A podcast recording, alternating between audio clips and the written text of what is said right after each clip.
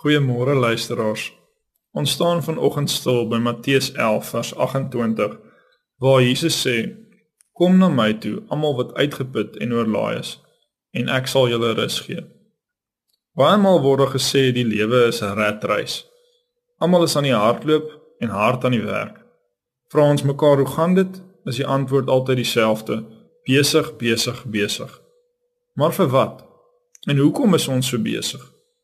In hierdie wêreld van gejaag wees, is daar 'n soeke en 'n smag na rus. Maar min mense vind dit werklik. Dit is omdat ons beeld van die lewe dikwels verkeerd is. Ons dink baie maal aan die lewe as 'n maraton, 'n wedloop waarin ons moet hardloop en moet voortbly. Daar's wel waterpunte, oomblikke van rus van al die gejaag, maar die enigste doel van hierdie waterpunte is om net weer aan te gaan sodra dit moontlik is om net te keer dat ons nie uitbrand nie. Jesus se lewe van rus is egter 'n uitnodiging tot 'n totale ander manier van leef. 'n Lewe waarin alles nie van ons afhang nie, maar waarin ons onsself en ons probleme aan hom kan oorgee. Hier is die kwessie. Jesus roep ons nie tot rus ter wille daarvan om weer aan te gaan met die gehardloop van die lewe nie. Dis nie 'n waterpunt wat ons weer help om verder te hardloop nie. Dis eerder die geval dat hy sê dis alles ingesluit as ons sy uitnodiging aanvaar om na hom toe te kom en by hom te leer hoe om te lewe.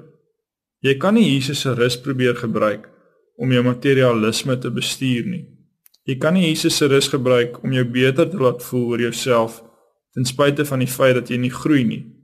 Jy kan nie Jesus se rus gebruik sodat jy beter kan wees met jou werk nie. Jesus se rus is ingesluit in 'n ander tipe lewe saam met hom.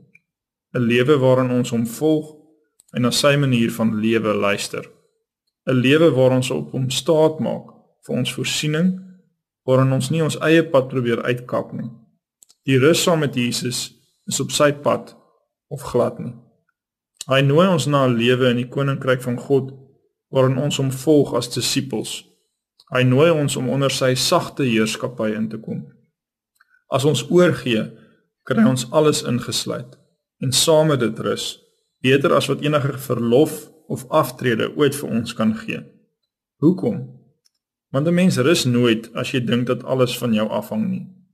Jy kan net rus as jy regtig weet iemand het dit onder beheer. Jesus het dit vir jou lewe en vir die wêreld. Jy kan maar rus. Hy gee jou sekuriteit. Hy sal sorg. Hy beloof dit. Hy gee jou waarde. Jy hoef nie langer jouself te bewys nie. Hy sal op sy tyd sy werk deur jou doen. So rus, geniet hom, geniet die lewe en moenie jouself en wat jy moet doen te ernstig opneem nie. Amen.